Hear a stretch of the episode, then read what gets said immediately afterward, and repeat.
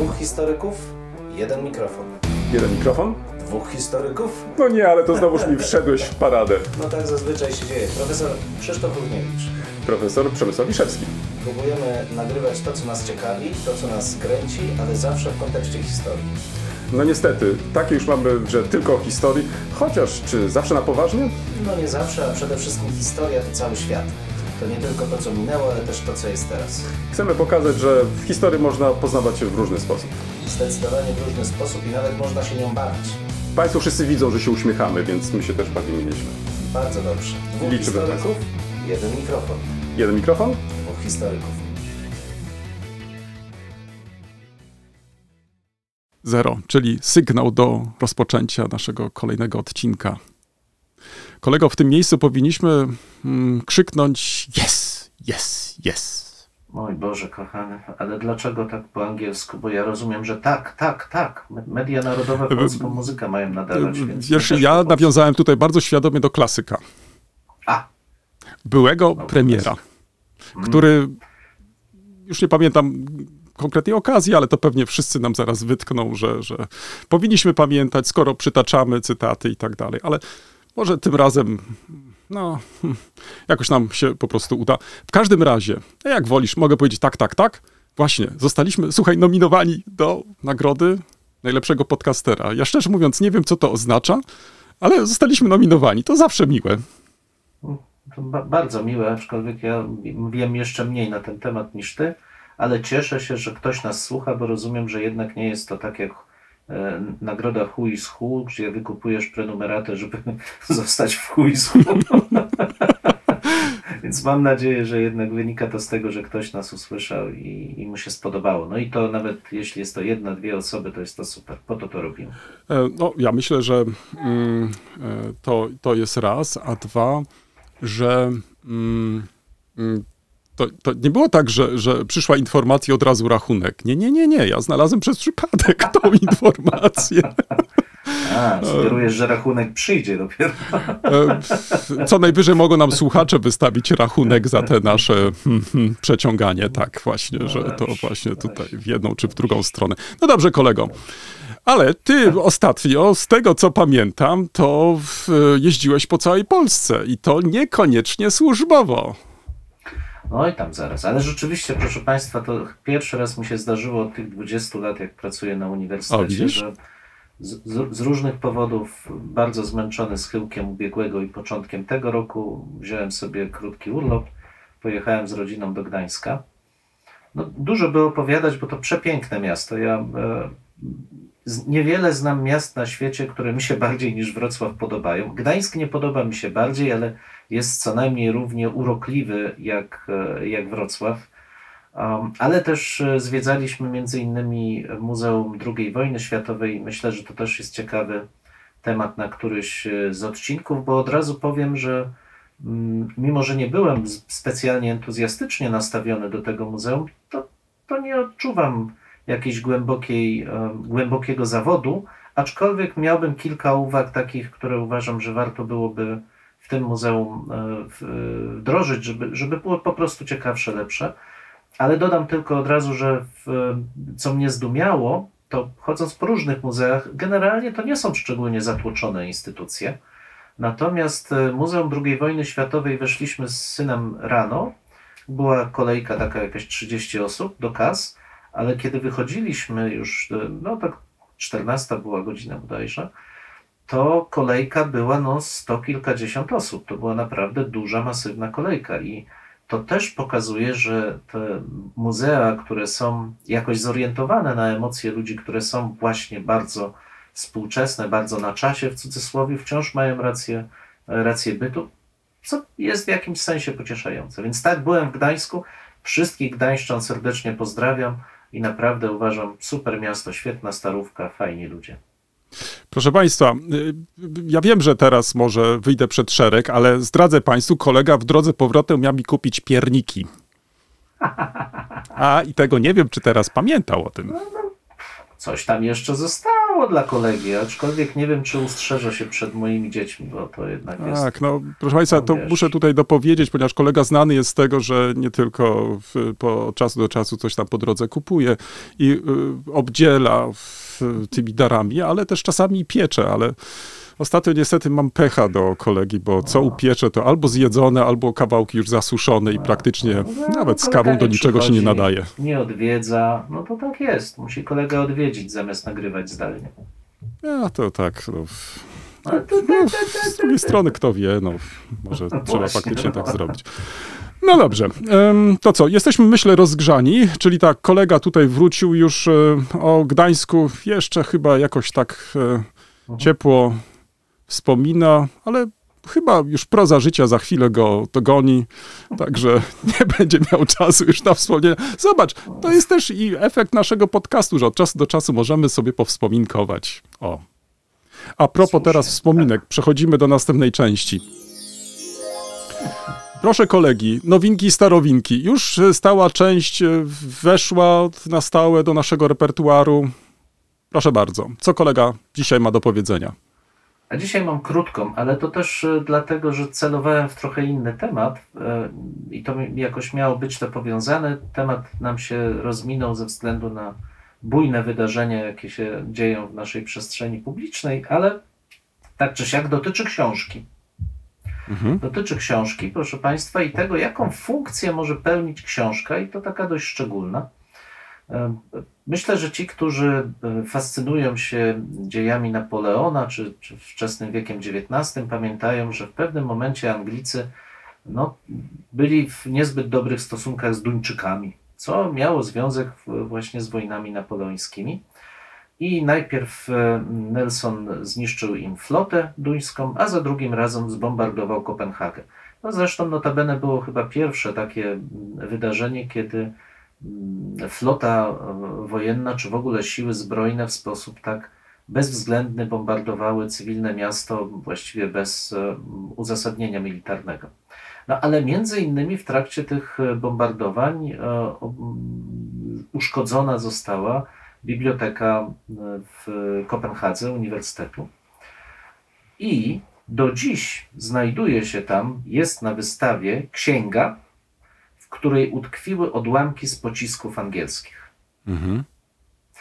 Ona ma oczywiście pokazywać, z jednej strony przywoływać te elementy historyczne i sama w sobie jest takim no, miejscem pamięci dla e, Duńczyków, ale dla mnie jest to też taka przewrotna dość e, metafora, no bo ile by nie wystrzelił ten, e, ten Nelson tych pocisków, ile ta flota by nie wystrzeliła tych kul, no to jednak książki przetrwały.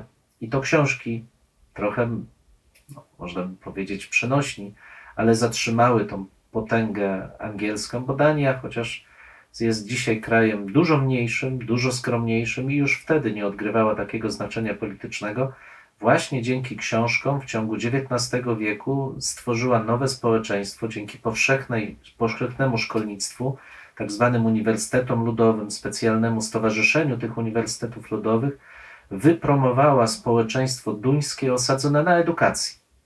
I to, na co być może mieli na, nadzieję Anglicy, w części też Niemcy, kiedy e, odebrali Szlezwik-Holsztyn w, e, Duńczykom, nie ziściło się. Naród duński pozostał do dziś pozostaje jednym z najbardziej zwartych społecznie, w, najbardziej wyrównanych też, jeśli chodzi o kwestie ekonomicznie, e, mających ogromną spójność społeczną e, narodów. Więc wiwat książka, książka silniejsza niż armaty.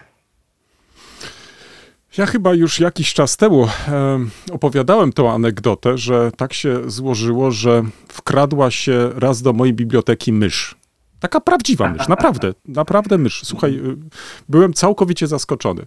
E, I na moich półkach stoją tomy polityki zagranicznej i Niemiec, i Polski.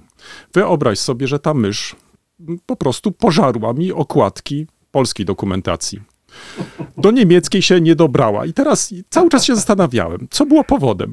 Czy w, dlatego, że ta polska okładka bardziej smakowała, czy też po prostu za dużo zjadła już tej polskiej i uznała, że niemiecka. Hmm, no. Słuchaj, muszę ci powiedzieć, to niestety są bardzo drogie tomy i bardzo żałowałem z tego powodu. Myszy już nie znalazłem, więc nie wiem, co się naprawdę z nią stało. Myślałem, że może gdzieś tam leży zmunibifikowana, ale no nie znalazłem po prostu. Ale, ale ślady pozostały, dlatego od razu opowiadam, że ja też mam takie miejsce pamięci właśnie związane z książkami. Książki wprawdzie przetrwały, ale okładki niektórych książek nie. I to Ale jest pocieszę trwały ślad. że na pewno, na pewno ta mysz nie zjadła ci książki, tylko ona tą okładkę zabrała do domku, żeby wyścielić sobie legowisko, gdzie małe myszki się urodziły. Więc Ach, to ty tak myślisz, że książka- miała taki fartuszek, taki do tego Absolut- fartuszka, tak. Ty, ach. oczywiście, to, to jest naprawdę, twoje książki odegrały wielką rolę w utrzymaniu równowagi ekosystemu. Kolega za dużo ogląda chyba bajek, naprawdę. No nic, no ale bardzo ciekawa historia. Ale powiedz mi jeszcze, bo tak właściwie to, to chciałem pytanie ci zadać, e, a nie dzielić się takimi czy innymi komentarzami. Ale to oznacza, że do dzisiaj e, odgrywa mm, ten fakt e, no, zniszczenia części księgozbioru jakąś rolę, tak? To znaczy, mimo upływu dziesięcioleci, dobrych relacji i tak dalej, to jednak w tej bibliotece jest to przykład Tak. no, po prostu wojny, barbarzyństwa nowoczesnego. Chyba w Tak. takim kontekście Ale to wiesz, trzeba to- rozpatrywać. To, to, to chyba generalnie jest to mm, dla Duńczyków cały czas y, dwie, dwa takie wydarzenia z historii Anglii są ważne. Po pierwsze, to, że Dania władała częścią Anglii. Co prawda władała niewielką częścią i w, no powiedzmy, może nie w głębokim, ale w, um, na przełomie X-XI wieku Danelaw, ta część podbita bądź uzależniona od Danii faktycznie na Wyspach Brytyjskich y, była, czy na, w Anglii w zasadzie. A po drugie właśnie ta ingerencja w trakcie wojen, e, wojen napoleońskich, która też odgrywa taką rolę z drugiej strony, czyli że kiedyś byliśmy, my wami rządziliśmy, a potem wyście nas najechali i taką krzywdę nam zrobiliście. No, nie będziemy specjalnie odkrywczy, mówiąc, że każdy, chyba każdy naród ma takie swoje miejsca pamięci, które lubi czasami tam podrapać, powiedzieć, że był krzywdzony przez, e, przez innych, No, ale Duńczycy nie robią tego spe- specjalnie jakoś, przynajmniej teraz w sposób specjalnie ostentacyjny. Nie odniosłem takiego wrażenia. Natomiast tak, książka dalej jest, choć dzisiaj myślę, że bardziej właśnie służy jako taki przewrotny, przewrotna alegoria, co daje siła militarna, a co daje właśnie księga. Mhm, mhm. No to, jak rozumiem, to była ta twoja nowinka, starowinka?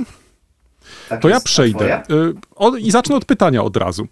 Y, Co potrzeba, albo co jest potrzebne do lektury, kiedy siedzisz w fotelu z książką i czytasz? Dla mnie spokój.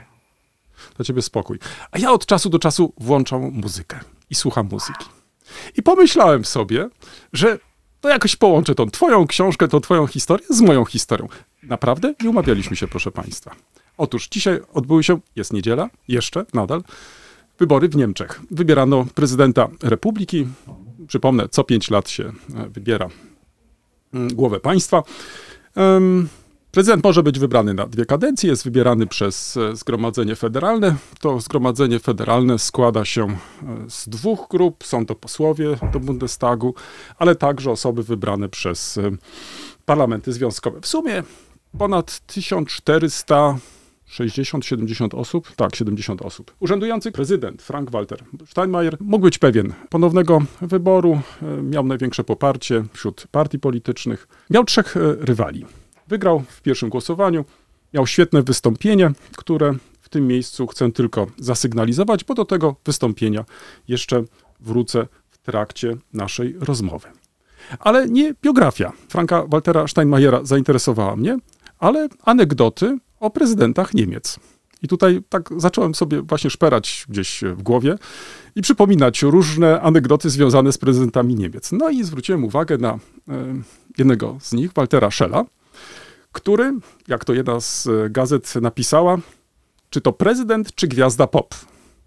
Otóż e, jako jeszcze mm, e, minister spraw zagranicznych Walter Schell zaśpiewał znaną piosenkę ludową Hoch auf dem gelben Wagen 6 grudnia 1973 roku w programie CDF dreimal neun na cele charytatywne. Wersja ta wydana przez wytwórnię Polydor, utrzymała się na niemieckiej liście przebojów przez 15 tygodni i osiągnęła piąte miejsce na tej właśnie liście 7 stycznia 74 roku. I teraz o czym jest ta piosenka? Oczywiście e, link do y, nagrania na YouTube e, będzie mm, umieszczony mm, w materiałach do e, naszej rozmowy. Tekst piosenki jest oparty na wierszu Der Wagen rollt, czyli wóz się toczy, napisaną w latach 70. XIX wieku przez e, Rudolfa Baumbacha. Melodię skomponował dopiero w 22 roku berliński aptekarz Heinz Hüne. I teraz czego dotyczy ta piosenka, bo pewnie chciałbyś się dowiedzieć, dlaczego Ależ E, chciałbym. Y, dlaczego minister spraw zagranicznych, później prezydent, postanowił tą piosenkę zaśpiewać. Otóż w tekście życie ludzkie opisane jest jako podróż w dyliżansie. Dlatego jest właśnie to określenie Hoch auf dem gelben Wagen. W drugim wersie sitze ich beim Schwager vorn, siedzę ze szwagrem. Słowo szwagier odnosiło się do postylionu, od francuskiego chevalier, jeździec pocztowy. I teraz refren. Möchte bliebe gern wäre ich, aber der Wagen der rollt. Chciałbym zostać, ale powóz się toczy. Kończący każdą strofę w nieco innej formie nawiązuje do biegu życia, którego biegu nie da się zatrzymać. Piosenkę można rozumieć więc jako nostalgiczne spojrzenie na stare czasy, gdyż w momencie jej powstania epoka dyliżansów kończyła się już w związku z rozbudową sieci kolejowej. Musisz sobie wyobrazić, proszę Państwa, to była rewelacja, to był hit. Zobaczyć późniejszego prezydenta, który śpiewa tą piosenkę. Oczywiście w celach charytatywnych. Ale ja dzisiaj rozmawiam z przyjaciółmi w Niemczech. E, Pierwsze, co przychodzi im na myśl, kiedy e, rozmawiamy o prezydentach, to właśnie Wagen der Rollt, wspomnianego Waltera Schella, albo innego prezydenta, Karla Karstensa, który to na przykład namówił Niemców, ponieważ sam lubiał wędrować, do zwiedzania Niemiec od północy na południe. To był taki wędrujący prezydent. Tak więc e, zwróć uwagę, także ci prezydenci, których jest e, trochę więcej niż kanclerzy, to z racji chociażby tego, że mogą tylko dwie kadencje e, sprawować ten urząd, to jednak zapisali się w historii Niemiec w sposób szczególny. Także jestem bardzo ciekaw, jak zapisze się ten stary nowy prezydent, Frank-Walter Steinmeier, który właśnie ponownie został wybrany. To może tyle. Zaśpiewałbym ci tą piosenkę, znam tekst, ale nie, nie ukrywam. Trochę się boję, wiesz. No, ja wiem, że ta publiczność nasza z odcinka na odcinek rośnie, ale, ale nie, nie. Mo, mo- może innym razem, dlatego bezpiecznie dam tylko odsyłacz. A, a, a powiedz jeszcze tylko, czy wydawnictwo Polydor wciąż działa?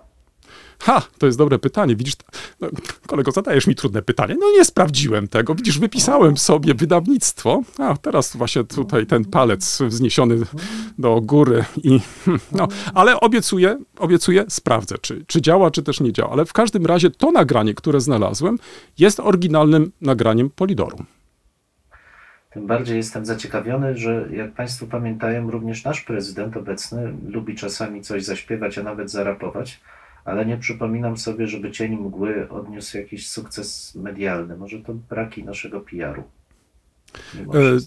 To jedno, a drugie, mm, o ile tekst piosenki, o której przed chwilą wspomniałem, jest znany od dawna, o tyle jakoś nie przypominam sobie, żeby ten tekst e, wyśpiewanej piosenki przez e, naszego pana prezydenta jakoś się utrwalił.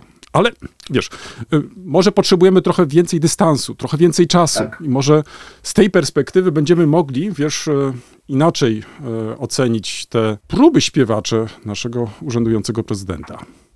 Tak jest. Poza tym, Prawda? gdyby No. dzięki temu został zapamiętany, to uważam, że to jest bardzo pozytywne. To już jest e, istotna rzecz, prawda? Tak. A do nas, zwróć uwagę, za 10, za 20 lat będzie należało, jak opisać e, tutaj te rządy pana prezydenta. I kto wie, być może jako jeden z rozdziałów, zresztą zwróć uwagę, jest teraz też taka tendencja, że mm, żeby wprowadzić jakoś e, czytelnika do rozdziału, to nie podaje się od razu urodził się wtedy i wtedy i tak dalej, tylko zaczyna się najczęściej jakąś anegdotą. I Tak być może, mm, mając e, trochę więcej wiedzy, już po tych e, no, 10-20 latach, większy dystans, może będziemy mogli mm, wybrać właśnie ten cytat jako coś, co będzie rozpoczynać e, cały rozdział. No nie wiem, trudno mi powiedzieć dzisiaj, ale liczę na to, że pewnie takie prace będą za jakiś czas powstawać i kto wie, może się okaże, że mm, także i ten fragment przejdzie do klasyki, o może tak, repertuarowej naszych prezydentów. Tak niespiesznie, wiesz, ale muszę się chyba mimo wszystko wytłumaczyć. Zobacz, ta informacja o tym, że mm, zostaliśmy wybrani przez słuchaczki i słuchaczy, trochę wbiła mnie z rytmu. Nie masz takiego wrażenia? Ale dlaczego? Ja uważam, że bardzo fajnie wszystko. Tak? No to dobrze, to w takim razie przechodzimy do lektur. To ja się nagadałem, to teraz koledze oddaję głos. Moja kolej. A ja dzisiaj, proszę Państwa, trochę postanowiłem wcielić się w kolegę. Żadnych książek, natomiast dwa podcasty i jeden artykuł. O, zacznę od artykułu. A co mi tam? Proszę Państwa, polityka e, ma swój stały dział historyczny.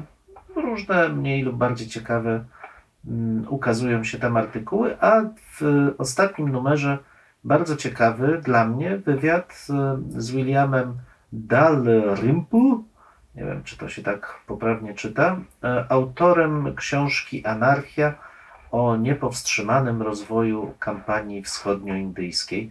No i tytuł William Dalrymple o tym, jak kompania wschodnioindyjska zbudowała imperium. Bardzo ciekawe, dlatego że pokazuje skutki prywatyzacji polityki, to znaczy co się dzieje w momencie, w którym prywatne kampanie, prywatne przedsiębiorstwa biorą na siebie odpowiedzialność za relacje, dziś powiedzielibyśmy, międzynarodowe. Czyli krótko mówiąc, kiedy wyręczają państwo. I ten tytuł Anarchia jest mi o tyle y, trochę bliski, trochę zabawny, że rzeczywiście jednym z postulatów anarchistów, y, tych spod znaku takiego libertariańskiego, już w drugiej połowie XX wieku było, że jak najwięcej elementów y, państwa, czyli sfery publicznej, powinno przejść w ręce prywatne, bo na zasadzie wolnej konkurencji one będą lepiej działać niż, em, niż te, które są ustanowione przez państwo. To brzmi trochę jak sen liberałów bardziej niż anarchistów, ale rzeczywiście taki trend libertariański został przez anarchistów współczesnych także e, e, przejęty. Ale dlatego też mówię o tym wywiadzie, że naprawdę warto poczytać, zobaczyć w jaki sposób też państwo, inaczej mówiąc monarchia brytyjska i rząd brytyjski kryły się za kampanią wschodnioindyjską, żeby rozwiązywać swoje własne wewnętrzne problemy polityczne, gospodarcze i w jaki sposób uczyniły z niej swoją taką tarczę, za którą mogły się schować, kiedy niewygodne decyzje należało podejmować. I dlatego też czasami, patrząc na naszą sferę gospodarczo-polityczną, trzeba być bardzo uważnym, żeby nie ferować sądów, nie ferować wyroków, moim zdaniem, jeżeli chodzi o pewne działania mm, z pogranicza biznesu i polityki, bo niekoniecznie za nimi kryją się te osoby, które na pierwszy rzut oka się mm, wyłaniają. Więc to jest jedna rzecz. Polecam ciekawy wywiad, ale oczywiście on ma charakter promocyjny. Warto sięgnąć po książkę. Może jeśli gdzieś w przyszłości ją zdobędę, to też z Państwem się podzielę e, uwagami. Ale tak jak wspomniałem, chciałbym jeszcze dwa podcasty dzisiaj um, omówić. Jeden, który mnie zupełnie zaskoczył. Jak Państwo wiedzą, ja jestem wielkim zwolennikiem popularyzacji historii i w, uważam, że to jest nasz absolutny obowiązek jako historyków. Powinniśmy jak najwięcej na tym, na tym polu e, robić. A podcast, o którym będę mówił, popularyzuje historię i jest przygotowany absolutnie nie przez historyka. E, Historia Polski dla dzieci. Brzmi dobrze? Brzmi dobrze. Jest e, autorem tego podcastu jest pan Piotr Borowski, który jest informatykiem. Profesjonalnie zajmuje się programowaniem, bierze też udział, tak jak siebie przedstawia, bierze też udział w nagrywaniu audiobooków, użycza głosu. Bardzo ciekawa postać, ale zajmuje się między innymi edukacją historyczną dzieci e, poza granicami Polski, dokładnie w Wielkiej Brytanii, gdzie, e, gdzie mieszka. I w 2000, trzymaj się mocno, 18 roku założył swój podcast, właśnie historia e, Polski dla, dla dzieci. Już szybko zerkam. 112, 112 odcinków do tej pory. E, Podcasty są krótkie, to jest tam maksymalnie chyba z 15 minut jedna, jeden trwa. E, Z myślą powstają głównie dla dzieci. Mm, Ciężko mi określić przedział wiekowy. Myślę, że to raczej jest, e, znaczy szkoła podstawowa to na pewno, ale nie jestem pewien, który etap bardziej chyba 4-6, o, w tym bym blokował przedziale, sądząc po sposobie narracji. Ciekawie zmontowana. Oprócz narracji autora są e, rozmowy z dziećmi, bo proces produkcyjny jest taki, że najpierw jest lekcja, którą e, pan Piotr, jak rozumiem, prowadzi z dziećmi. Potem na bazie tej lekcji powstaje podcast, który można sobie odsłuchać, ale nie tylko rozmowy z dziećmi, ale, ale także przerywniki muzyczne, czasami wręcz wtręty z e, kultury popularnej w ciągu tych 15 minut, więc ba- bardzo no jest to takie dość dynamiczne, może mniej niż bym oczekiwał, ale naprawdę bardzo ciekawy format. I oczywiście szacunek za to, że już w 2018 roku powstał i do dzisiaj jest kontynuowany. To, to, to, jest, to jest świetne. Natomiast mój problem e, z tym podcastem jest taki, że on nijak się ma do współczesnej wiedzy historycznej. Znaczy te fragmenty, które ja mogę ocenić, bo absolutnie nie oceniam wszystkich. Oceniam, mogę tylko powiedzieć to, co e, dotyczy średniowiecza, historiografii. No, tych kilka odcinków odsłuchałem. Mm, To, to, że jest tam pewna infantylizacja historii, to jestem jeszcze w stanie zrozumieć, e, no, bo jeżeli jest to kierowane do najmłodszych dzieci, to wiadomo, że też ma taki specyficzny, e, specyficzny format.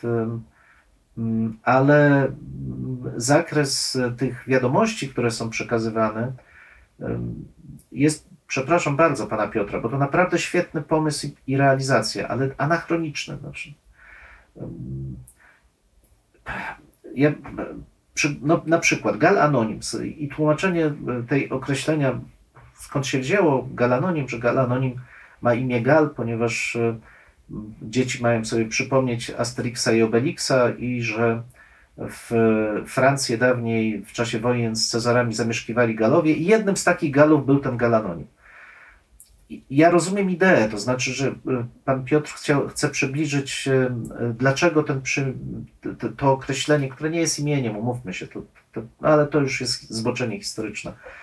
Ale złożenie takich dwóch elementów może w umyśle dziecka spowodować wrażenie, że ten średniowieczny gal z komiksu Asterix i Obelix, ma średniowiecz starożytny, bo przez czasów walki z Juliuszem Cezarem nagle został jakoś przeniesiony do tej średniowiecznej Polski, gdzieś tam, zupełny bezład czasowy powstaje.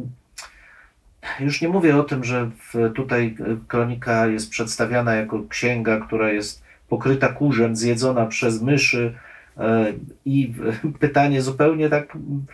Ja nie, no, no ale dobrze, no pada takie pytanie pana Piotra, rozumiem, że wciągające też dzieci. Czy historykiem może zostać ktoś, kto boi się pająków? W domyśle historycy właśnie grzebią w tych księgach pokrytych. No i no i mam problem z tym podcastem, bo takich, oczywiście takich fragmentów e, tam je- jest więcej. Mm. Absolutne szapoba dla pana Piotra za popularyzację, za, za chęć prowadzenia tego, za, za działalność, no taką misyjną typowo. Natomiast ja mam ciągle takie wrażenie, że, że historię się lekceważy w tym sensie, że, że, że wielu ma, wiele osób ma wrażenie, że Historycy to w zasadzie są niepotrzebni. Wystarczy wziąć książkę jakąkolwiek, przeczytać i opowiedzieć to zrozumiałym językiem, i to jest popularyzacja historii. Absolutnie tak nie jest, proszę Państwa. No, historia to naprawdę jest nauka, to naprawdę są. e, To naprawdę są dość skomplikowane rzeczy. I tak jak chyba nikt z nas nie poważyłby się zrobić takiego e, podcastu popularno-naukowego o fizyce, nie znając fizyki. E, A mam wrażenie, że bardzo wiele osób sądzi, że o, o historii popularny sposób może mówić każdy, albo prawie każdy, kto lubi historię. Ja jestem absolutnym fanem amatorskiej historii w sensie kochania, zajmowania się historią, ale bardzo bym prosił, żeby zastanowić się, żeby może sięgnąć po najnowszą literaturę, może skontaktować się z kimś, jeżeli są jakieś wątpliwości, ale przynajmniej sięgać po to, co jest najnowsze w publikacjach Mm, bo nawet na poziomie tych relacji z dziećmi to, to nie jest dobry pomysł, bo przekazywanie takich kalek kończy się potem tym, czym jest dzisiaj nowa podstawa programowa z historii proponowana przez ministerstwo, czy HIT, ten tak zwany. No to, to jest anachronizm i utrwalanie tego nikomu nie, nie pomaga. Tym niemniej, jeszcze raz zachęcam e, do posłuchania, do przejrzenia tych stu, kilkunastu odcinków. Jestem pewien, że zawsze coś ciekawego się tam znajdzie, bo jest tam nie tylko o wydarzeniach politycznych, ale o ubiorze na przykład, o dynastiach, o, o Dniu Podcastera, między innymi międzynarodowym. Bardzo różne, bardzo ciekawe e, treści. Natomiast, no mówię jeszcze raz, zachęcam wszystkich miłośników historii, żeby sięgnąć po coś więcej niż, e, niż literatura, czy taka dość przypadkowa. I drugi podcast, e, bardzo specyficzny, to jest e, History Extra. To jest podcast, który realizuje BBC i on jest jakby podcastowym dodatkiem do BBC History Magazine. Takiego najważniejszego, chyba popularno-naukowego czasopisma historycznego w Wielkiej Brytanii. Um, nie jest to typowy podcast, taki jakbyśmy oczekiwali, że właśnie prowadzący coś opowiada. Nie każdy odcinek to jest wywiad. To jest wywiad z, albo z historykiem, albo z autorem jakiejś książki. E, I oni opowiadają o różnych tematach. Czasami to są właśnie opowieści o ich no, ostatnich publikacjach, ale na przykład jest cały cykl takich mini wywiadów z historykami o najważniejszych wydarzeniach, o globalizacji czy problemach. O globalizacji, o wieku e, żagli, jeśli można tak powiedzieć, dla Anglików to jest bardzo e, istotny temat, o terroryzmie, o wojnach, przeróżne tematy. E, I jakby tu, tu, tu mamy zupełne przeciwieństwo, bo zawodowi historycy opowiadają o, o, o, swoich, o swoich badaniach, ale ja bym nie nazwał tego przeciwieństwem właśnie. Znaczy, dla mnie to jest świetne uzupełnienie, to znaczy kapitalnie z, zrealizowane, no jednak BBC, odpowiednia e, półka też technologiczna, choć czasami dźwięk nie jest taki, jakbyśmy oczekiwali ale z drugiej strony jest to coś, z czego można korzystać. To znaczy, ja bym był przeszczęśliwy, gdyby właśnie popularyzujący historię odwoływali się do takich podcastów, ponieważ treści, które tam są przekazywane, no jednak są do dość wąskiego grona miłośników historii, którzy już coś wiedzą, adresowane. Ale to właśnie ci miłośnicy historii mogą przekazywać dalej w sposób bardziej rozbudowany, ciekawy, może też zwie, bardziej zwięzły, tak jak pan Piotr, który w 15 minut wiele rzeczy bardzo ciekawie przedstawia. Zatem History Extra, podcast BBC. E, e, zachęcam wszystkich, e, os, wszystkie osoby anglojęzyczne do słuchania. Kapitalne tematy i też inne spojrzenie, bo spojrzenie właśnie z perspektywy angielskiej, spotkania z historykami, z, właściwie z, nie tylko z Wielkiej Brytanii, bo tam oprócz, oprócz większości um, Anglików czy Szkotów, Znajdziemy też i Amerykanów, i osoby spoza tego, e, spoza tego kręgu. Kapitalna podróż przez najważniejsze wydarzenia polityczne, przez najważniejsze problemy e, historyczne, które dzisiaj są obecne w nauce. Serdecznie zachęcam. No i tyle z mojej strony, panie kolego. Mm, bardzo się cieszę, że sięgnąłeś po podcasty tym razem, bo myślę, że dla nas to też jest rzecz ważna, żeby na ile to jest możliwe, um, podglądać, jak to robią inni, to znaczy, żeby zobaczyć e, też, e, e, jakimi tematami się zajmują. I tak jak rozmawiałeś, nie wiem, czy sobie przypominasz, mm, jeden z naszych odcinków, gdzie trochę rozmawialiśmy o tym, jak kształcimy studentów w kontekście popularyzacji historii. Czy właśnie nie warto byłoby wręcz zorganizować ekstra zajęć poświęconych tej problematyce, bo tych możliwości jest coraz więcej to do tego może doszłaby nowa rzecz, to znaczy jak y, ewentualnie, mm, może nie jest to najlepsze słowo, przeszkolić, ale może na co zwrócić uwagę osobom, które mm, zajmują się historią, bo lubią ją po prostu.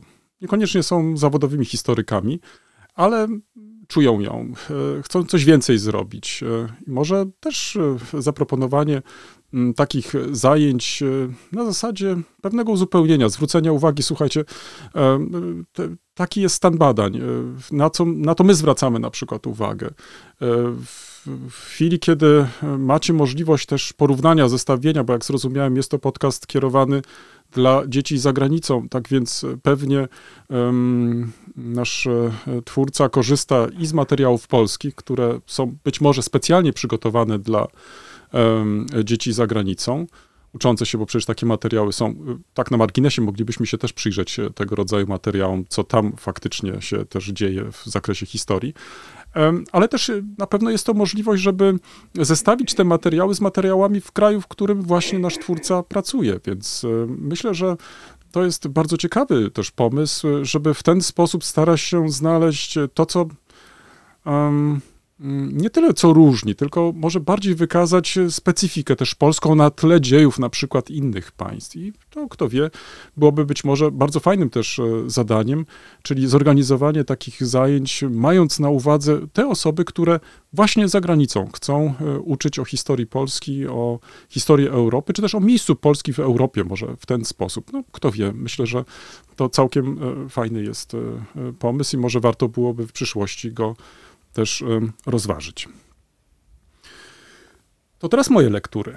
Em, W tym tygodniu faktycznie było sporo, a to tylko dlatego, że w przeciwieństwie do kolegi, który to sobie tak wojażował, który sobie jeździł po całej Polsce, y, ja postanowiłem tym razem zostać w domu e, i nadrabiać lektury, e, nadrabiać różnego rodzaju rzeczy. Nie będę się chwalić tym, tymi lekturami, bo one są naprawdę nudne i pewnie bym jeszcze e, utwierdził część z Państwa, że historycy to są tylko ci, którzy odkurzają, albo jak to było? E, usuwają te pajęczyny, tak? Nie, nie, nie, nie, nie. tak nie było. Em, Jednym z tematów, który mnie zainteresował, to była sprawa małej ojczyzny, Haimatu. A pretekstem e, do tego jest e, uroczystość, która wkrótce odbędzie się e, na naszej uczelni. Wręczenie doktoru tu honoris causa jednemu z naszych kolegów, e, profesorowi Orłowskiemu. Ale o tym być może będzie jeszcze okazja powiedzieć więcej. Ale przygotowując się do swojego z kolei wystąpienia, sięgnąłem po książkę, która właśnie się ukazała. Mianowicie jest to książka Christiane Hoffmann, Alles, was wir nicht erinnern, zu Fuß auf dem Fluchtweg meines Vaters. Wszystko, czego nie pamiętamy, pieszo szlakiem ucieczki mojego ojca. I książkę mógłbyś tą wpisać e, w taki nurt literatury trochę nie rozliczeniowej, nie w tym sensie. E, To znaczy, że młode pokolenie stara się rozprawić z pokoleniem ojców czy dziadków, czyli e, tak jak to kiedyś zadawano to pytanie, co robił dziadek podczas e, II wojny światowej i tak dalej, i tak dalej. Nie, wręcz odwrotnie. Jest to taka podróż dorosłej kobiety śladami ojca, ale także śladami jego rodziny, bo jak się okazuje w trakcie lektury, część e, rodziny od dziesięcioleci mieszkała na Śląsku. I autorka stara się dzisiaj, po wielu dziesiątkach lat, e, prześledzić e, tą drogę swej rodziny, poznać ją, poznać też ten kraj. To znaczy, e, w przypadku e, Christiane Hoffmann mamy do czynienia z niemiecką dziennikarką. Obecnie sprawuje funkcję pierwszej zastępczyni rzecznika prasowego rządu Republiki Federalnej Niemiec, tak więc ma bardzo e, poważne stanowisko. Ale co dla nas jest ciekawe, studiowała slawistykę, historię Europy Wschodniej i dziennikarstwo we Freiburgu, Leningradzie i Hamburgu. Przez ponad 20 lat pracowała dla Frankfurter Allgemeine Zeitung, potem dla Szpigla, pracowała e, w Moskwie, w Teheranie. Ale co ciekawe, jakoś do Polski dotąd nie zawitała, to znaczy, czy też na ten Śląsk. Jeszcze przyjeżdżała wraz z rodziną, ale teraz postanowiła pieszo przejść całą tą trasę właśnie, którą e, musiał pokonać jej ojciec jako dziecko e, w roku 45-46. Ciekawa lektura. Jeszcze o wrażeniach to chętnie się podzielę także i później, bo jeszcze tej książki nie skończyłem. Ale chcę zwrócić uwagę na pewien trend, który się pojawia, bo to nie jest pierwsza książka tego typu. To znaczy, gdzie już e, być może jest to związane też ze śmiercią e, naszych bliskich, że szukamy. Może wcześniej nie zadawaliśmy ich pytań, e, takie, które nas by dzisiaj interesowały. I to jest taka próba nasza też odpowiedzenia sobie na różne pytania, które dzisiaj zadajemy, kiedy już ich nie ma.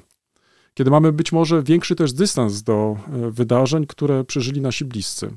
I takich książek znajdziesz coraz więcej. To znaczy, mm, takich, które opowiadają albo przywracają do pamięci rzeczy, które przez wiele dziesiątków lat y, były albo niewidoczne, albo były przedstawiane tylko w sposób jednostronny. Tutaj natomiast mamy do czynienia już e, z taką rzeczową rozmową, z taką krytyczną e, dyskusją, ale też taką, która jest nastawiona na słuchanie drugiego. I to mi się bardzo podoba. To znaczy, wydaje mi się, że to jest jeden z takich e, nowych trendów, które moglibyśmy znaleźć teraz w literaturze niemieckiej. Takiego e, poznania po latach. To znaczy, e, z jednej strony, co utraciliśmy, ale z drugiej strony, jak się z tym dzisiaj obchodzimy. To znaczy, co to, jakie to ma dla nas znaczenie. I to wydaje mi się jest bardzo ciekawe, bo to nie jest przekreślenie tego dziedzictwa, wręcz odwrotnie, zwrócenie baczniejszej uwagi na, na ten problem. No i szukanie też trochę takiej własnej tożsamości, to znaczy kim ja jestem, to znaczy skąd się tak naprawdę e, wzięła ta moja rodzina, jakie są jej e, po prostu korzenie i tak dalej, i tak dalej. Druga książka, e, na którą chciałem zwrócić uwagę, to z kolei książka, którą kupiłem ostatnio w brzegu. Tak się złożyło, że wczoraj, w sobotę, była przepiękna pogoda i postanowiliśmy z żoną pojechać do brzegu. W końcu miasto oddalone o 30-40 kilometrów od mojego miejsca zamieszkania, tak więc e, była to przepiękna e, wyprawa. Ale była to dla nas też okazja, żeby mm, nie tylko zobaczyć miasto po latach, ale też e, zakupić najnowszą literaturę. Bo niestety, w naszym metropolitarnym, nie wiem, no, centralnym, no, no, no tak, mieście księgarnie są. Metropolnym. Tak, tak, tak, tak, tak. Czekaj, to znaczy w metropolnym mieście? No, pod względem księgarni jest to ewidentnie metropolne miasto. No dobrze, stołecznym jak wolisz. O, może tak, powiem stołecznym. A co? W każdym razie, e, we Wrocławiu wprawdzie mamy kilka ważnych księgarni, ale ta literatura, która ukazuje się e, w mniejszych miejscowościach, nawet Dolnego Śląska, trafia naprawdę do nich rzadko lub też e, wcale. No chyba, że faktycznie poprosimy księgarzy, żeby nam ściągali te publikacje, ale najpierw musimy o nich wiedzieć. No niestety, tak to już po prostu jest. I przez przypadek, mm, to co cię mogłoby też zainteresować, trafiłem na książkę Bogusława Szybkowskiego, Historia fotografii w brzegu, 1843-1944. Książka, która ukazała się już kilka lat temu. Ale niestety, trafiłem na nią dopiero e, teraz. Mm, I jak się okazało, e, w ogóle to jest e, też taki inny trend, na który przy tej okazji chcę zwrócić uwagę. Książek, które dotyczą historii fotografii, byśmy może nazwali na Opolszczyźnie, bo także ukazała się na przykład historia fotografii w Nysie i tak dalej, i tak dalej. Ja oczywiście marzę o tym, może kiedyś sam nawet się zdobędę na to, ażeby mm, pokusić się na napisanie historii fotografii we Wrocławiu.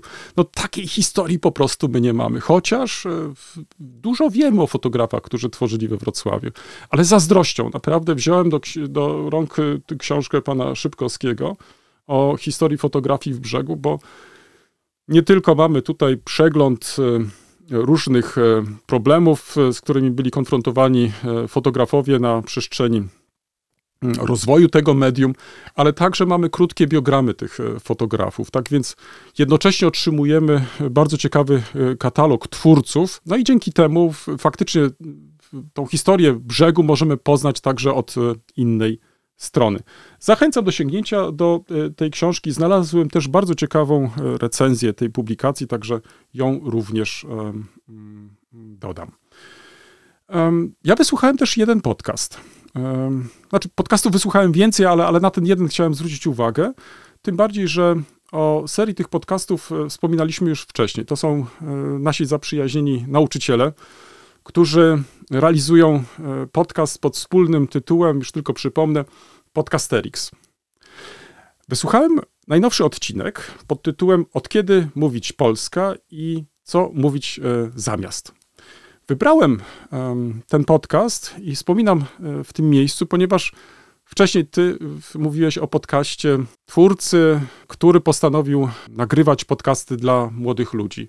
Tu mamy trochę inną sytuację. Tu rozmawiają nauczyciele historii na tematy, które są bardzo ciekawe. To znaczy, ja wysłuchałem ten odcinek, muszę ci powiedzieć, z trochę zmieszanymi uczuciami. Bo z jednej strony doceniam trud zwracania uwagi przez nauczycieli na używanie określeń tych takich zbiorczych dotyczących Polski, Polaków w zależności od e, okresu, epoki itd., tak tak dalej. No ale zacząłem się zastanawiać i stąd to moje takie trochę e, zmieszanie. Czy gdybyśmy na przykład mówili o Wielkiej Brytanii czy o Francji, na przykład w średniowieczu, to używalibyśmy jeszcze innych określeń, albo na przykład o Niemczech, e, przykładowo w średniowieczu, to używalibyśmy wielkie tam cesarstwo niemieckie narodu i tak dalej, i tak dalej. No pewnie być może tak, ale czasami robimy to też dlatego, żeby skrócić trochę tą narrację. Ale co wydaje mi się o wiele ważniejsze, i to wybrzmiało mocno w tym odcinku, to podkreślenie wagi i znaczenia uwrażliwienia uczniów na to zróżnicowanie pojęciowe. To znaczy, że nie ma czegoś takiego jak Polska przez wieki, albo Polacy przez wieki, czy też Francja, Francuzi i tak dalej, i tak dalej, że tu trzeba podchodzić do tego z większym takim dystansem, e, z większą dbałością też, e, a przede wszystkim zastanowić się też, e, jakich pojęć używamy. I to mi się bardzo podobało. To znaczy, mimo że miałem pewne takie mieszane uczucia słuchając tego odcinka, to myślę, że wnioski, do jakich dochodzą autorzy, to są godne po prostu podkreślenia i, i bardzo kibicuję autorom tego podcastu, ażeby y, podejmowali tego typu tematy, bo wydaje mi się, że także i dla nas one są y, z innego powodu też ciekawe, bo one pokazują, z jakimi dylematami mają nauczyciele historii do czynienia. Trochę z zazdrością, muszę ci powiedzieć, też wysłuchałem tego odcinka, ponieważ uzmysłowiłem sobie jeszcze inną rzecz że być może w przeciwieństwie do nas, gdzie jesteśmy tak troszeczkę zaszufladkowani tymi różnymi epokami, ty zajmujesz się swoją epoką, ja zajmuję się swoją epoką i tak dalej, i tak dalej, to nauczyciele mają troszeczkę nad nami przewagę. Oni muszą wszystkie te epoki jakoś ze sobą powiązać. Jedni to robią być może właśnie wyciągając taką czy inną szufladkę ku uciesze naturalnie na uczniów, ale jeszcze inni może podchodzą do tego całkiem inaczej, to znaczy widzą to raczej jako pewne procesy, jako historię długiego trwania i tak dalej, i tak dalej. I wtedy na przykład ta dyskusja pojęciowa na tym tle wydaje mi się bardzo ważna, wręcz konieczna. I trochę z żalem stwierdzam, że może brak y, nam, myślę tutaj o tych, którzy wykładają na uczelni, właśnie tego rodzaju refleksji. To znaczy, czy może za łatwo nie poddajemy się różnego rodzaju takim czy innym prądom, e, zamiast też w jakiś sposób zastanowić się, czy także i my, używając takich czy innych określeń, czynimy to świadomie, czy też po prostu przejmujemy tylko to, co e, gdzieś zasłyszeliśmy, czy też ewentualnie jakie są e, dzisiaj trendy i tak dalej, i tak dalej. Także bardzo inspirujący podcast, e, denerwujący, ale chyba na tym zależało autorom. Bardzo się cieszę, gratuluję tego odcinka, czekam na następne. I na koniec, myślę, że to będzie też świetne wprowadzenie do mm, naszej dzisiejszej rozmowy.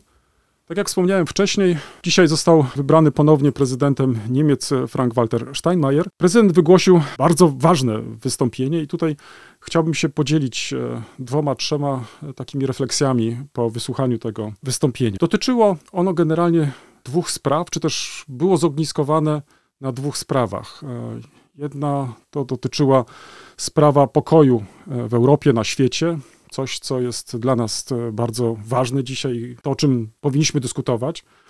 I druga sprawa to sprawa pandemii. Ja się skoncentruję tylko na tym jednym aspekcie.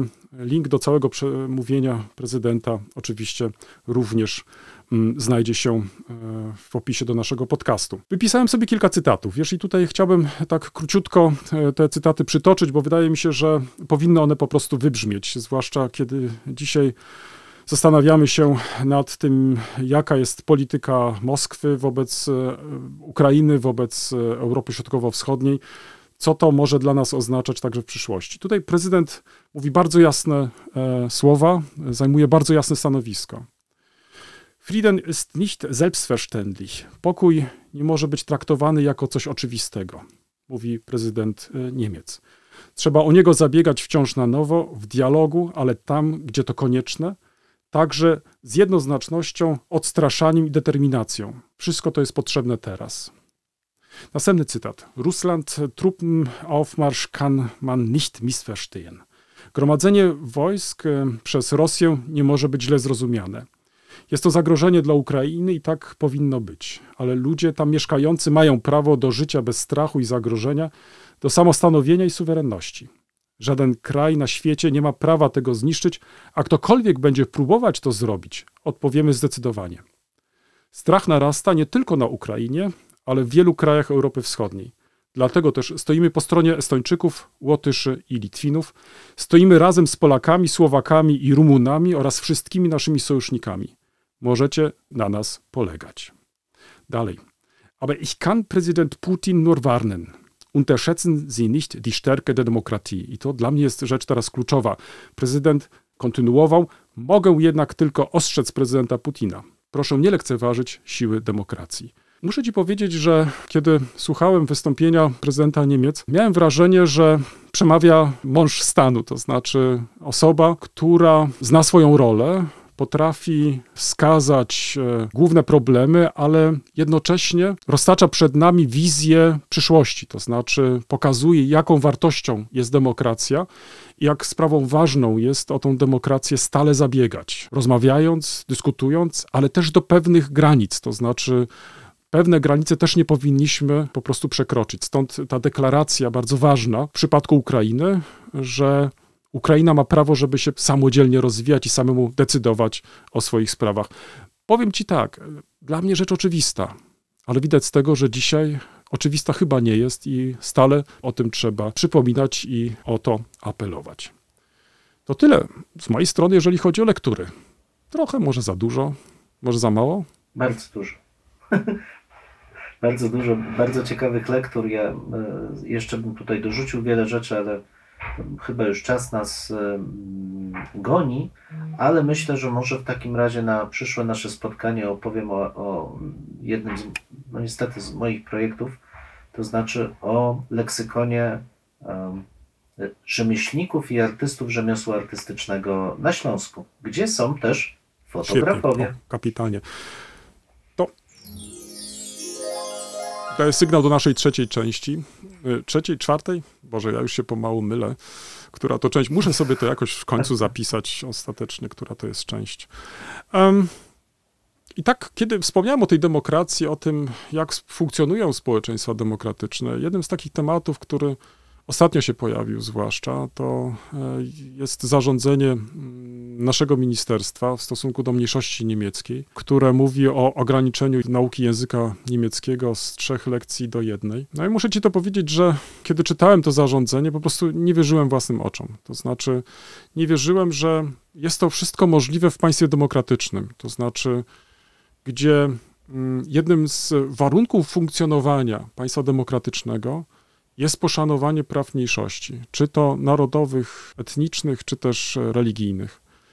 I miałem wrażenie, że w końcu, jakby nie patrzeć na po, polską historię, która przecież w końcu i w całym XX wieku była wielokrotnie doświadczana, gdzie mniejszości odgrywały znaczącą rolę, nie zawsze pozytywną, że wyciągnęliśmy ostatecznie wnioski, że udało nam się znaleźć e, mm, jakoś, jakiś sposób e, mm, postępowania mm, z osobami, które przynależą do mniejszości, ale widać z tego, że nie. To znaczy, że, że po prostu e, nadal e, mamy z tym jakiś wielki problem. Przy czym to, na co tutaj w tym kontekście trzeba zwrócić uwagę, że to nie są tylko nasze zobowiązania wobec takich czy innych mniejszości, które są tak czy inaczej em, poprzez takie czy inne układy mm, gwarantowane, ale to też jest przecież, e, to są też nasze zobowiązania wynik, wynikające z naszego członkostwa w Unii Europejskiej. I to jest, wydaje mi się, też e, sprawa tutaj po prostu kluczowa wręcz. Nie wiem, szczerze mówiąc, czym wytłumaczyć takie postępowanie, bo tu trzeba jasno po prostu podkreślić, e, jest to postępowanie skierowane przeciwko naszym obywatelom, to znaczy obywatelom naszego państwa. I to niebezpieczeństwo, które istnieje, jest takie, ja nie wiem, jak ty to widzisz, że jeśli postępuje się to w przypadku jednej mniejszości, to za chwilę może się okazać, że ktoś wpadnie na jeszcze inny pomysł i na przykład y, kolejne y, ograniczenia będzie na przykład stosować do następnej mniejszości i tak dalej, i tak dalej. Uważam, że raz nie powinno być miejsca. Ja cały czas liczę na to, że to zarządzenie nie wejdzie w życie, że ono po prostu zostanie cofnięte. I zależnie od tego uważam, że sam fakt, że w ogóle takie zarządzenie powstało e, w roku 2022, uważam, no, nie wiem, oględnie może to nazwę jako duże nieporozumienia, może tak. No wiesz, ja mam e, duży problem z tym działaniem, bo już e, kiedy ukazały się pierwsze informacje i konsultacje z tym związane, się to, no, opowiedziałem jednoznacznie, to, to trudno tu używać jakichś słów takich miękkich y, co do tego typu działań, bo tak jak to y, podkreśliłeś, to jest działanie zwrócone przeciwko naszym Mm, obywatelom, współobywatelom. Ja, ja kompletnie nie jestem w stanie tego y, zrozumieć, jak, jak minister edukacji może ograniczać prawa współobywateli do kultywowania ich tradycji kulturowych. Dla mnie to, to jest nie, niezrozumiałe. No wiesz, ja starałem sobie tak sięgnąć, ja jestem historykami w końcu, e, w przeszłość, jak te, tego typu działania były realizowane. Wiesz, no oczywiście możemy wskazać szereg państw totalitarnych, czy takich, które starały się uzyskać spójność społeczną przez eliminację różnorodności. Um, ale proszę Państwa, ja nie znam przykładu dobrego, znaczy nie znam takiego, który właśnie y, y, realizowałby taką politykę i, i długofalowo by to się skończyło dobrze. Oczywiście na krótką metę taka spójność społeczna bywa korzystna, bo eliminuje się teoretycznie zachowania niepożądane, jakieś działania, które są niekontrolowane. Wzbudza się też no, pewną niechęć do określonych małych grup, która to niechęć z kolei cementuje tą większość przeciwko tym mniejszym grupom. No, takie działania znamy, one, to, to jest taka bardzo prosta socjotechnika, ale ja mam w głowie cały czas inne przykłady, znaczy takie pozytywne, to znaczy jak wiele korzyści, i na nich bym się skupił, jak wiele korzyści płynie z racjonalnej współpracy mniejszości z większością. Ja już nawet nie chcę przytaczać pierwszej Rzeczpospolitej, która swoje apogeum potęgi jakiej i kulturowej, i gospodarczej, i militarnej osiągnęła dzięki temu, że potrafiła współpracować z bardzo różnorodną grupą etnicznych współobywateli. To, to było źródło potęgi e, Rzeczpospolitej. Ja, ja nie chcę mówić e, też e, i o tych epokach wcześniejszych, gdzie jest dyskusyjne, kiedy w ogóle mm, mówimy o mniejszości etnicznej, o mniejszości kulturowej czy religijnej, ale tak głęboko patrząc, pouczenie króla węgierskiego świętego Stefana dla jego syna mm, dotyczące zarządzania królestwem, czyli mamy schyłek X, przełom X-XI wieku. I tam jest wyraźnie powiedziane: szanuj wielość, różnorodność swoich obywateli, bo dzięki tej różnorodności królestwa się bogacą. I to jest, proszę Państwa, taka myśl, którą każdy powinien polityk mieć cały czas w głowie, że Społeczeństwa monokulturowe mają tylko jedną odpowiedź na każde zagrożenie. Nie mają zasobów, żeby znaleźć inną odpowiedź na zagrożenia. A ten świat, zwłaszcza ten, który nas otacza, jest pełen wyzwań, pełen rozmaitych zagrożeń, pełen sytuacji, w których my musimy się odnaleźć. I ta wielość daje nam szansę odnaleźć się w sposób perfekcyjny. Zawsze znajdzie się grupa, która ma ciekawą odpowiedź na to, co nas otacza. Jeżeli już nie potrafimy, a mam duże wątpliwości, zrozumieć tego, że ta wielość jest też wyznacznikiem naszej dojrzałości politycznej, społecznej, kulturowej, cywilizacyjnej, to doceńmy walor pragmatyczny. Doceńmy to, że poprzez współpracę tej różnorodności, to może być etniczna, to może być kulturowa, seksualna, jakakolwiek, zyskujemy jako społeczność. Dla mnie osobiście miarą dojrzałości politycznej wspólnoty jest właśnie sposób obchodzenia się z mniejszościami. Żeby było jasne, ja nie jestem takim e, naiwnym zwolennikiem e, wielokulturowości. Uważam, że wspólnoty te mniejszości muszą akceptować wspólne prawa dla całej społeczności, muszą akceptować normy kulturowe, które są przestrzegane w tej społeczności. I tu, tu dla mnie nie mam absolutnie zrozumienia dla kulturowych przyzwyczajeń dotyczących obrzezywania kobiet, czy y, zasłaniania ich, y, ich twarzy, czy, czy sądów, osobnych sądów religijnych dla poszczególnych grup. Nie. Zero tolerancji dla czegoś takiego. Ale z drugiej strony te zobowiązania, o których Ty wspomniałeś, do nauki i kultywowania własnej tradycji, zapewnienie tego, no, no to jest kwintesencja społeczeństwa demokratycznego. To jest też naprawdę ogromne wyzwanie, które stoi przed nami, żebyśmy my mogli dobrze się czuć i być bezpieczni, że za chwilę ktoś nas nie wskaże jako tych obcych. Jest taki świetny, mm, ostatnio oglądałem serial, tak się tylko już na koniec podzielę, obrazujący opowiadania Filipa Dicka. pisarz science fiction, no wybitny, aczkolwiek z różnymi fiksacjami. I ostatni odcinek tego mm, serialu ma tytuł e, Kill them, Kill the Mothers, zabij, zabić wszystkich innych. Polityczka, która zostaje prezydentką wielkiego narodu panamerykańskiego, rzuca takie hasło. myślisz o człowieku z Wysokiego Zamku zabić wszystkich Filipa innych. Kadika, pewnie, tak? Nie? Nie, nie, nie. Filip Dick i Człowiek z Wysokiego Zamku zupełnie inna rzecz, inny serial. Nie pamiętam dokładnie tytułu. Coś energetycznie Filip Dick, coś takiego. No, Wrzucimy w opisie, na pewno. Ale idea jest taka, że można zjednoczyć właśnie naród, wskazując innych. Ale tym innym może być każdy. Każdy, kto zachowuje się inaczej.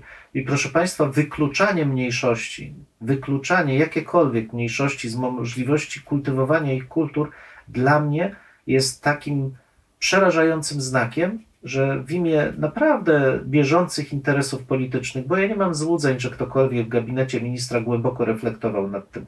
To był doraźny gest, który miał pokazać, że jesteśmy suwerenni i Niemcy nie będą nam pluć w kaszę. Doraźny, nieprzemyślany, głęboko szkodliwy gest może bardzo łatwo taką metodą kuli śnieżnej wygenerować bardzo, bardzo złe konsekwencje długofalowe. Ja bym bardzo zachęcał do refleksji nad tym, że z historycznego punktu widzenia tego typu działania, dzielenie społeczeństwa, niszczenie mniejszości, to, to jest naprawdę bardzo, bardzo, bardzo szkodliwe Choć zwróć uwagę, że to nie dotyczy tylko mniejszości niemieckiej, czyli obywateli polskich e, pochodzenia niemieckiego, ale to też dotyczy Polaków zamieszkałych e, w Niemczech. Także i tam są już głosy krytyczne pod adresem e, tego zarządzenia pana ministra. Można nawet odnieść wrażenie, że pytanie jest tylko, czy to jest polityka, czy niedoinformowanie, bo e, to, co często się pojawiało jako uzasadnienie, że strona niemiecka nie wywiązuje się z traktatu polsko-niemieckiego, że nie mm, przekazuje takich czy innych kwot e, na naukę języka polskiego i tak dalej, i tak dalej, no po prostu są nieprawdziwe, są wyssane z palca. E, Tutaj jeszcze raz pojawia się problem em, federacyjności Niemiec. Jak się okazuje, w, w ramach federacji są e, wypłacane pieniądze na naukę języka polskiego i nie, to są, nie są to wcale małe e, kwoty. E, Dlatego też mi się wydaje, że w tej sytuacji należałoby przede wszystkim, czy też w pierwszej kolejności skorzystać z tych gremiów, które istnieją w relacjach polsko-niemieckich, jak na przykład Okrągłego Stołu, który przecież, e, jak się okazuje, od kilku lat już się nie zebrał, ażeby te kwestie dotyczące e, czy Polaków w Niemczech, czy Niemców w Polsce, właśnie podczas e, takiej rozmowy, dyskusji omówić, wyjaśnić, a nie wydawać takie czy inne zarządzenia, które e, wywołują e, ogromny sprzeciw, e, są po prostu niezrozumiałe. Trzeba dodać, że nie tylko my tutaj krytykujemy to zarządzenie, przed nami zrobili to już inni. Ja na przykład mm, chciałbym zwrócić uwagę jeszcze na jeden aspekt, uwagę, że jest to też przekreślenie dotychczasowej polskiej polityki. I to wcale nie oznacza tutaj, czy nie chcę tym samym powiedzieć polityki, która była prowadzona zarządów PO, czy takiego czy innego ugrupowania, tylko generalnie po roku 89. Świetnie e, pisał na ten temat e, Tomasz Terlikowski w artykule dla Rzeczpospolitej e, pod tytułem Nie ma zgody na dyskryminację. Pozwolę sobie przeczytać malutki fragment z tego właśnie tekstu. Jednym z największych błędów polskiej konserwatywnej prawicy od początku lat 90. było pominięcie w swojej polityce mniejszości narodowych, budowanie polityki poza nimi, obok nich, a niekiedy przeciw nim. Lech Kaczyński, a później Andrzej Duda próbowali to zmienić, pokazywać otwartą na mniejszości twarz prawicy. Działanie Ministerstwa Edukacji Narodowej, ministra Przemysława Czarnka i wypowiedzi posła Janusza Kowalskiego to całkowite zaprzeczenie także tej tradycji. W zamian dostajemy, i to jest dla mnie kluczowe teraz, podsumowanie tego wątku, w zamian dostajemy motywowane nacjonalistycznie mszczenie się przez polskie władze na polskich obywatelach. Koniec cytatu. No, nic dodać, nic ująć. I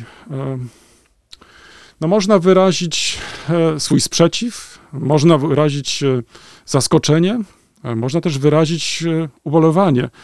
Ja nie wiem, czy tutaj pan minister, podejmując taką decyzję, zastanawiał się też nad skutkami tego kroku. To znaczy, czy starał się też wyobrazić, jak ma ta przyszłość wyglądać też w relacjach z mniejszościami. w końcu obywatelami polskimi.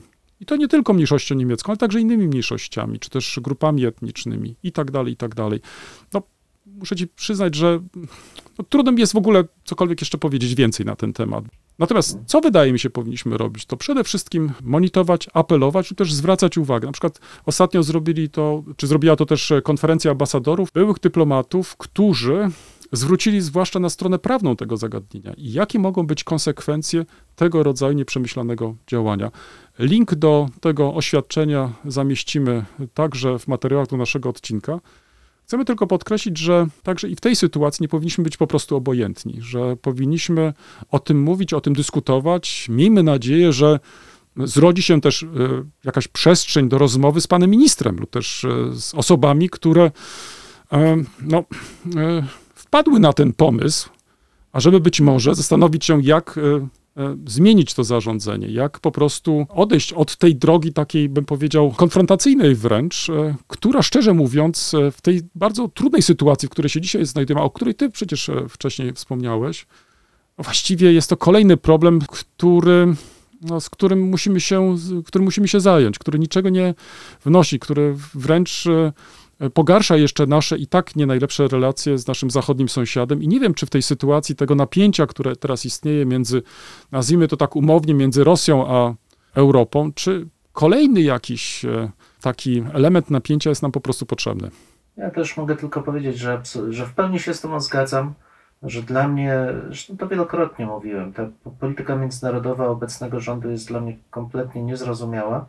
Um, a w tym przypadku mogę tylko powiedzieć, no, no działania przeciwko mniejszościom, własnym obywatelom są absurdalne, są szkodliwe i naprawdę to, co my powinniśmy zrobić, to zadbać o to, żeby na swoim sposób wspierać naszych własnych obywateli, żeby mogli kultywować swoją kulturę, ale też uczyć wszystkich dookoła, co to znaczy różnorodność i jakie korzyści odnosimy z niej.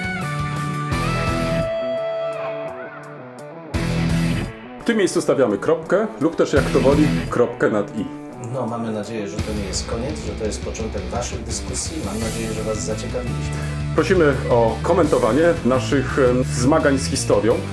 Poniżej zdjęcia jest wystarczająco dużo miejsca. I pamiętajcie, nie regulujcie odbiorników. Mamy naprawdę tak brzmienie. E, tak, chociaż być może czasami e, może trzeba ściszyć. No może czasami ten nasz rechot by się przydało wyciąć nawet. Dwóch historyków, Jeden mikrofon, jeden mikrofon. dwóch historyków. Dziękujemy.